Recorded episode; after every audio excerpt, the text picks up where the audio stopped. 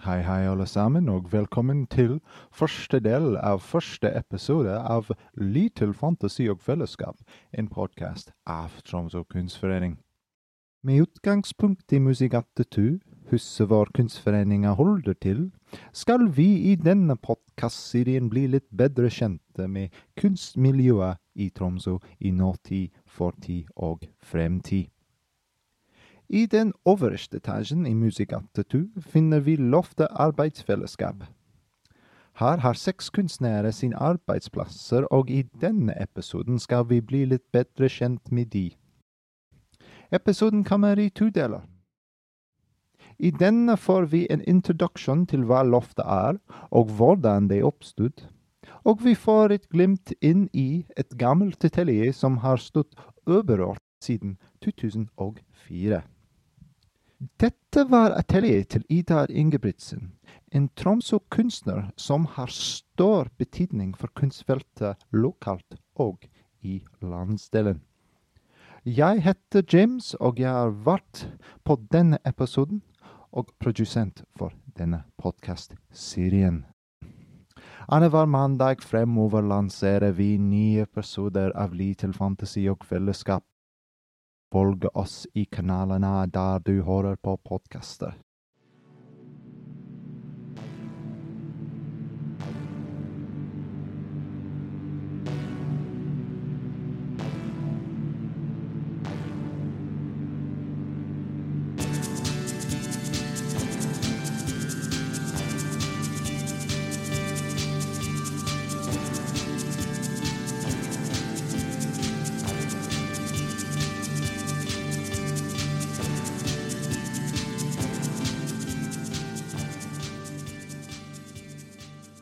Alle intervjuene i disse to episodene skjedde på loftet.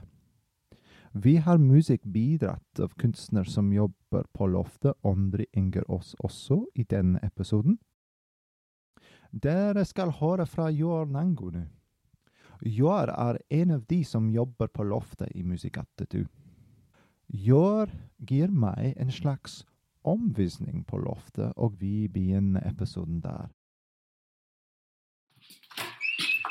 Hallo, James. Ja, hei, hei, går det med deg? Velkommen hit til uh, Tromsø kunstforening uh, sitt loft.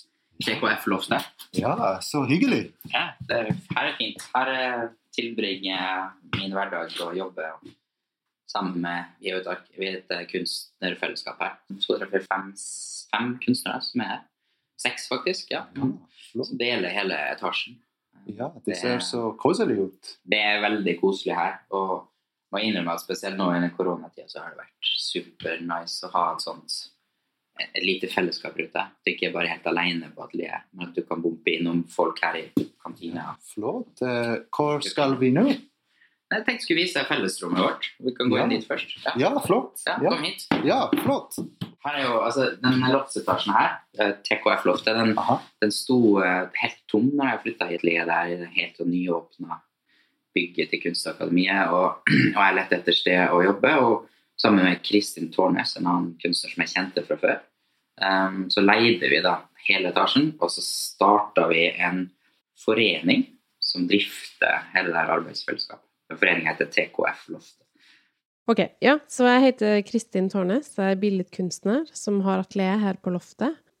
Eh, Jeg, hadde, jeg var med og drev kurant, visningsrom, i ganske mange år, og hadde, eh, hadde på en måte et atelier på kurant der det var før. Men det var litt vanskelig å, å, å ha et atelier sammen med der jeg prøvde å drive det visningsrommet. Så jeg begynte å kikke litt etter andre plasser jeg kunne ha et atelier. Så jeg kunne ha det litt mer separat. Og så fant jeg ut, for jeg jobba på eh, Kunstforeninga som sånn utstillingstekniker innimellom. Og så eh, hørte jeg eh, noen nevnt i en bisetning at det var et loft opp her, og at det sto tomt, at det hadde stått tomt i flere år. Så ble jeg veldig nysgjerrig på det. Og så fikk jeg komme opp hit og se. Og da var jeg veldig overraska over at det var på en måte en hel etasje opp her som bare sto eh, helt tom. Og det var veldig store, fine rom, eh, fint lys, eh, ja. Eh, og da begynte ja, jeg husker ikke helt, men det begynte liksom ideen å forme seg, eller om det var noen andre òg som nevnte at det kunne ha vært atelier der. Jeg husker ikke Svein, Svein Pedersen var intendant på Kunstforeninga da, om uh, han òg på en måte om, om, det var en sånn lunsjdiskusjon, og at å, kanskje det hadde gått an. Jeg, husker egentlig ikke akkurat hvem det var som starta det der. Men også um, tror jeg Joar òg var ganske ny i byen da.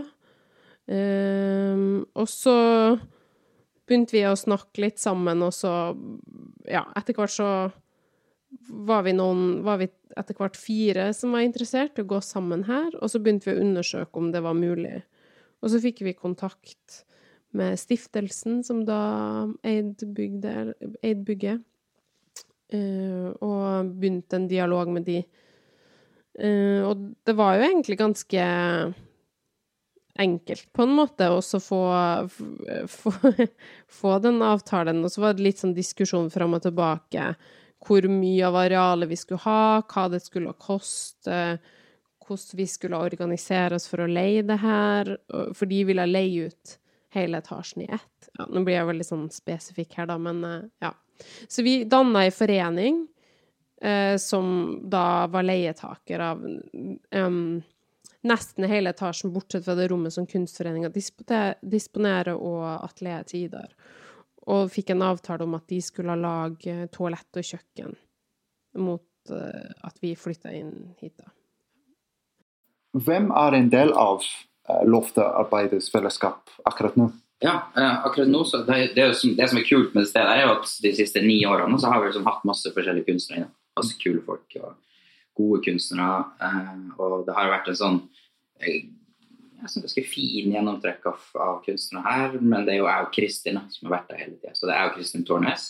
Og så har vi her inne, eh, hvis vi går inn hit, så har vi jo eh, en legendarisk Camilla Fagerli, kunstner og kurator. Også gått på, på Kunstakademiet her i Tromsø og fra Mo i Rana. Eh, og så kan vi gå inn her, og her har vi eh, Henrik Sørli og Maja Lisa Bjørklund. De, de, de går faktisk på Kunstakademiet for en mastergrad nå. Veldig, veldig kult. Og de har vært her i mange år begge to, så når de da fikk eh, studieplass, så, så bestemte de seg for å dele et rom med et atelier. Mm. May-Lisa er jo her fra Tromsø, og Henrik er sørfra. Um, veldig utrolig fine kunstnere og en veldig viktig del av miljøet her i Tromsø. Um, også Kristin sitt uh, atelier her inne, um, som er for tida Hun har jo fått barn nummer to, så hun er litt sånn fram og tilbake. Ikke så mye her akkurat nå. Hun er jo født vel en mammaperm. Her er André Henger Aas. Han eh, jobber mye med skulpturer og veldig sånn materielt fokus. Og også graffiti og liksom gatekunst. Ja. André er en utrolig produktiv og kreativ fyr. Så han er jo kanskje den av alle oss som er her mest. Han eh, kommer eh, seint og går seint og holder produksjonen i gang på loftet. Det er veldig fint. Du lytter til André Engerås. Jeg er en av kunstnerne her på loftet. Jeg har vært her eh, i noen år nå. Jeg er litt usikker på hvor lenge. Jeg har jobba litt den siste tida med mm, et slags eh, musikk-performance-prosjekt som jeg kaller Grandiosa. Um, det har liksom vært et prosjekt som har gitt meg liksom spillerom til å snakke om andre ting som jeg ikke gjør i kunsten min ellers. Um, at jeg kan da kanskje ta opp eh, temaer som kjærlighet, sex, eh, konspirasjonsteorier osv. Og, um, og da spille litt på humor og sånne ting.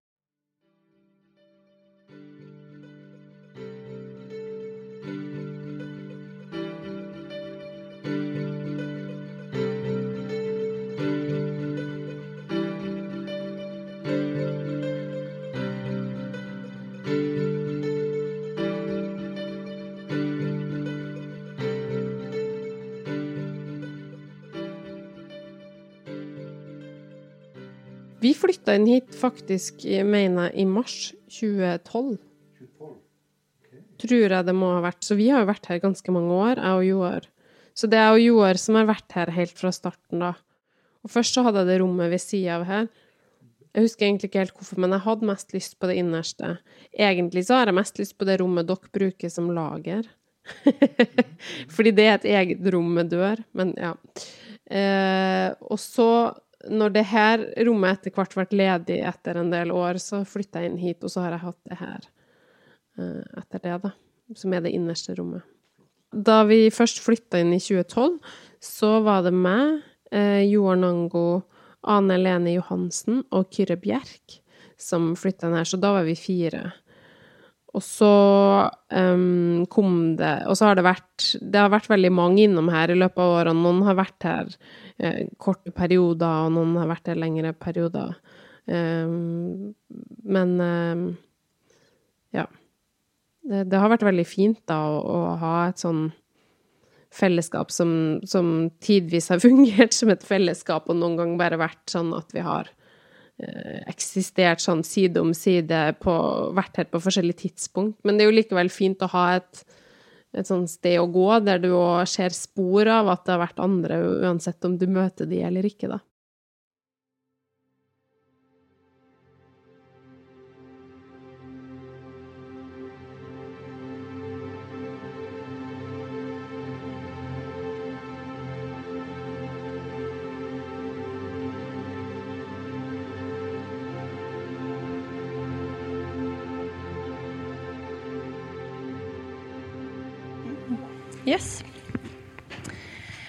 Jeg heter Camilla Fagerli, og jeg er en del av Loftet arbeidsfellesskap.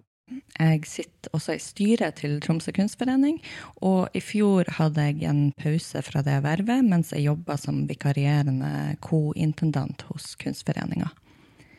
En del av jobben der var å kuratere ei utstilling i anledning 95-årsjubileet til Kunstforeninga. Det var en fortsettelse av et arbeid som ble starta i 2015 i anledning 90-årsjubileet eh, med utstillinga Dovenskap, fantasi og fellesskap. Begge disse utstillingene henter energi fra selvorganiseringsånden til Idar og Eka Ingebrigtsen. De eh, redda huset vi holdt til i fra å bli revet i 1961 ved å okkupere det og forvandla det til et levende, selvorganisert kulturhus med barneteater, dukketeater, kunstneratelier og masse mer. På dette tidspunktet så var e- Eka og Idar i midten eller slutten av 40-årene. Det syns jeg òg er inspirerende å tenke på. De var ikke kjempeung da de bestemte seg for å okkupere et hus og starte barneteater på frivillig basis. Mange av Tromsøs viktige kulturinstitusjoner har hatt sin fødsel på dette huset. Eh, Hålogaland teater og Hålogaland amatørteaterselskap, blant andre. Denne historien har blitt viktig for Kunstforeninga sin identitet og måte å jobbe på, med tanke på masse samarbeid og å gjøre det her til et hus for flere kunstorganisasjoner enn selve foreninga. Ja, nå eh, sitter vi her på det sjette studioet på Loftet.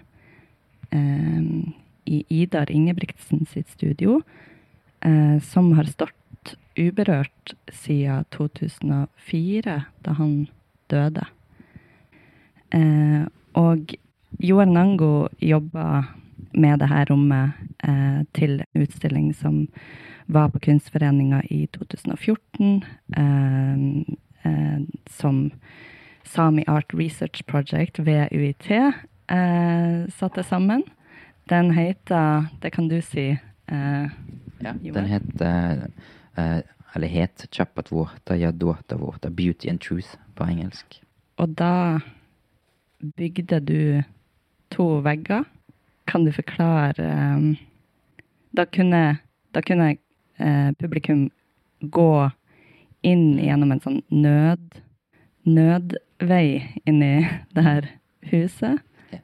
Og inn på ditt atelier, hvor du hadde bygd to vegger som leda folk inn til Idar sitt studio. Mm. Ja, det var jo altså når vi flytta inn hit, så var jo um, så, så, var det liksom en dør som sto lukka her, da.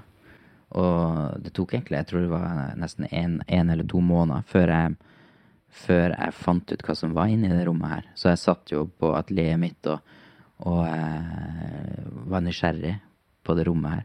Og når jeg endelig fikk åpna døra her, så ble jeg jo liksom nesten slått i bakken. da. av, eh, av det, den stemninga i det rommet. her. Det er jo som å Altså, Idar døde jo, Idar Ingebrigtsen, bykunstneren, en, en, en av Tromsøs viktigste kunstnere i nyere tid. Um, han har jo vært her siden 60-tallet, så han har jo hatt 40 år med aktivitet i det atelieret her. Og det var veldig spennende å komme inn og liksom oppleve en sånn, en sånn Som om tida har stått stille siden, siden den tida han var veldig aktiv, da, som på 80- og 90-tallet. Så, så uh, så det er en helt unik stemning. Til og med altså, aske i askebegeret, og, og eh, det var liksom en sånn gammel soloflaske med litt sånn bruskvett igjen. Hvor flaska var sånn glassflaske som, som, var, som, jeg husker fra barndommen min på 80-tallet. Så, så, det var virkelig som om Ida liksom hadde tatt uh, nøklene og gått ut av atelieret og aldri kommet tilbake. Det var virkelig som om tida hadde stått stille her. Og det, akkurat den stemninga ble, ble, jeg veldig fascinert av. Så så når jeg ble invitert til å gjøre, være med på gruppeutstillinga som var arrangert av UiT, så tenkte at, det, at Jeg stod, funderte veldig på hva jeg skulle gjøre, men jeg tenkte kanskje, kanskje jeg kan gjøre noe så enkelt som å bare åpne døra inn til det rommet her og gi publikummet en opplevelse av Eller den samme opplevelsen som jeg hadde fått. da. Altså et innblikk i en kunstnerisk hverdag, en kunstnerisk liksom, atelierproduksjon fra en annen tid. Um, så da begynte jeg å gjøre research på Idar, og jeg kjente jo egentlig ikke til Idar før det. Uh, og bare å komme inn her, så har jeg jo oppdaga veldig masse fine ting. og um, Jeg kom også etter hvert på sporet av et gammelt videoarkiv som kona hans har lagd, Eda, nei, Eka. Eka Ingebrigtsen. Eh, som film, var filma på Super 8-kamera på 70-tallet. Eh, sånn at uh, det jeg gjorde, var ganske enkelt å, å åpne opp den her nød... Eh, det, nødutgangen, eller den vindeltrappa, brann, rømningsveien, mm. rett og slett fra mitt atelier og ned til, til uh, utstillingsarealene. Så jeg åpna de dørene. Uh, så egentlig var jo det verket bestod av bare å åpne tre dører. Uh, men for å unngå at liksom Også å ta folk da opp og inn, inn i mitt atelier, og da inn, inn i Videre inn i Ida sitt atelier. Men for å unngå at liksom jeg ble får eksponert sjøl, så bygde jeg noen, noen, noen, vegger i atelieret mitt, sånn at jeg kunne fortsette å jobbe i fred og ha liksom en, min arbeidshverdag eh, på vanlig måte. Og så kunne publikum liksom gå, gå liksom u... Ja gå gjennom en korridor da, som fra, fra visningsrommene nede leder deg opp og inn i atelieret til Idar. Og så brukte jeg også um, litt tid på å dandere og trekke fram en del sånne fine ting som jeg fant her. Uh, for å gi publikum en litt sånn lettere tilgang på Ida sitt kunstneriske virke og sin, den livsfilosofien som han hadde, da, som jeg også etter hvert ble ganske fascinert av. Det var en veldig spennende kunstner på mange måter. Uh, men så, så, brukte jeg også noen elementer fra det videomaterialet for å prosjektere på den veggen. Så på den veggen så var det et sånt et veldig, veldig fint Egentlig et slags sånt studie av Ida sitt ansikt, som var litt sånn spøkelsesaktig eh, gjort. For det var litt sånn dunkel, og, dunkel belysning, men en veldig sånn hard spot som var satt på den. Jeg tror egentlig det var Eka som hadde filma det til Idar.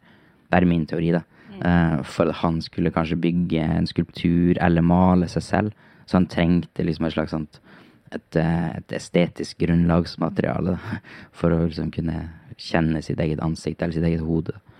Uh, så, jeg, så, jeg, brukte det videomaterialet og prosjekterte på veggen, sånn at når du kom opp hit til rommet, så var det sånn før du gikk inn døra her, så så du liksom det hodet til Idar som liksom svevde liksom rundt i en sånn 360 graders sånn piruett, sakte piruett. Som, og så la jeg på noe filter, sånn at det ble liksom, liksom spøkelsesaktig stemning rundt det. Og så kommer du inn hit, og så finner du da uh, masse forskjellige ja, uh, opplevelse mm. som folk kunne finne litt veien inn i sjøl. Mm. Morsomt. Jeg har tenkt at det var liksom bare ut Eller at det var hun som utforska kameraet. Eh, jeg har sett Ja, når jeg så de, de opptakene. Men det ligger også her um, en liten brosjyre fra Bodø kunstforening hvor det er et sitat av Idar um, som er et utdrag fra en tale han holdt på uh, et seminar som UKS arrangerte i 1974. Uh, eh, og det lå også fremme, husker jeg. Ja.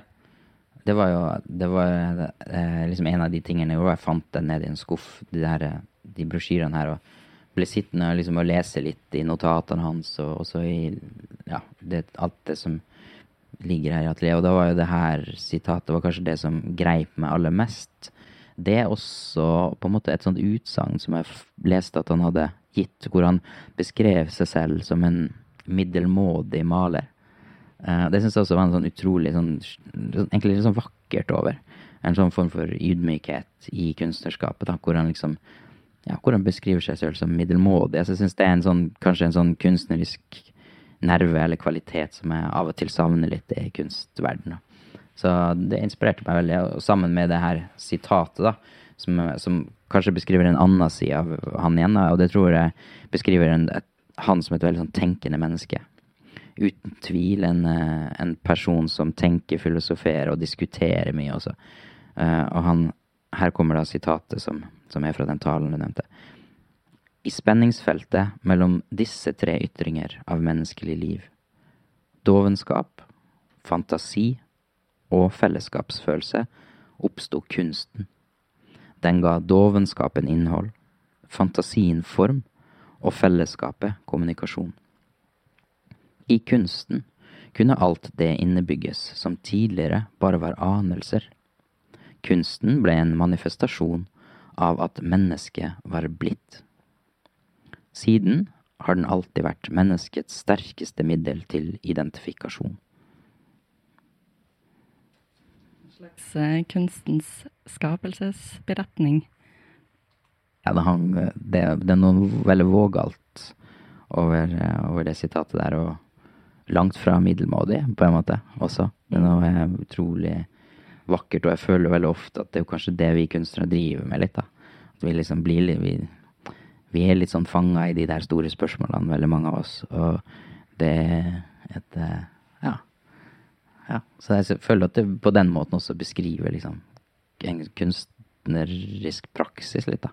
Mm. Liksom, er, ja, og som hos han, tenker jeg, besto også av veldig mye mer av den, den uh, såkalt middelmådige malinga, men eh, som handla veldig mye om å bygge fellesskap da han og Eka kom til byen i 1961, så okkuperte de Museegata 2, som nettopp hadde blitt eh, fraflytta av Tromsø museum.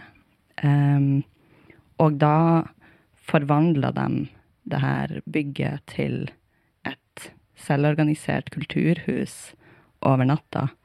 Og de starta også barneteater, og jeg husker at at han sier det i en sånn dokumentar fra 90-tallet eh, som Kåre Sørensen har lagd, som ble sendt på NRK.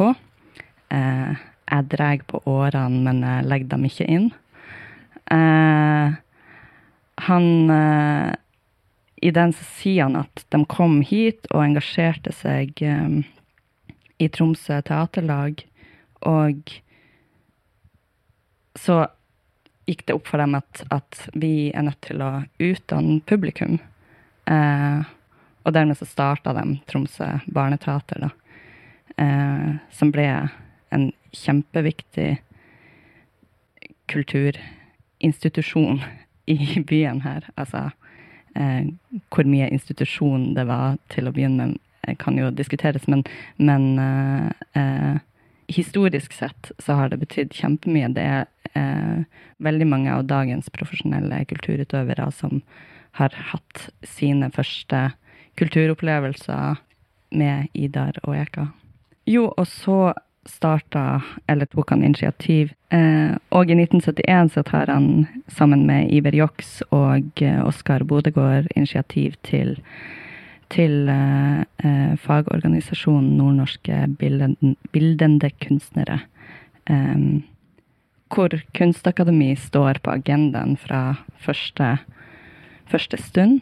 Og der fant jeg et, eh, et sitat her som jeg syns er interessant for oss i dag, eh, med tanke på, på kunstutdanning i landsdelen. Um, det var bare en sånn løsrevet lapp som lå i en haug med papirer. Um, jeg leste. Når samenes behov for kunstutdanning er tatt med, er det ikke for å tvinge samene inn i storsamfunnets målsetninger. Utviklingen av et kunstliv basert på de naturgitte forutsetningene i vår landsdel kan ikke gjennomføres uten at samisk tenkning, religion og naturoppfatning får en dominerende innflytelse. Helt fantastisk. Det er jo liksom Kanskje han var en slags sitatkunstner. Fordi det er jo så Altså, jeg er så enig i det han sier der. Og så syns jeg det er så fint at han på en måte i det sitatet kanskje også beskriver noe Altså beskriver det som noe naturlig Ja. istedenfor noe politisk. Mm. At han beskriver den samiske Kanskje liksom historien og landskapsoppforståelsen her i nord som, som en, som en eh, viktig og elementær liksom, brikke i, i Ja, noen som, som er en del av det her stedet, og som må være med Mm. da i samfunnsbygginga. Mm. Mm. Så ja. Og med det takker vi for nå. I del to av denne episoden blir vi bedre kjent med fire av kunstnerne på loftet. Musikken du hørte er laget av André Enger Aas, produsent er meg, James Lee, og ansvarlig redaktør er Leif Magne Tangen.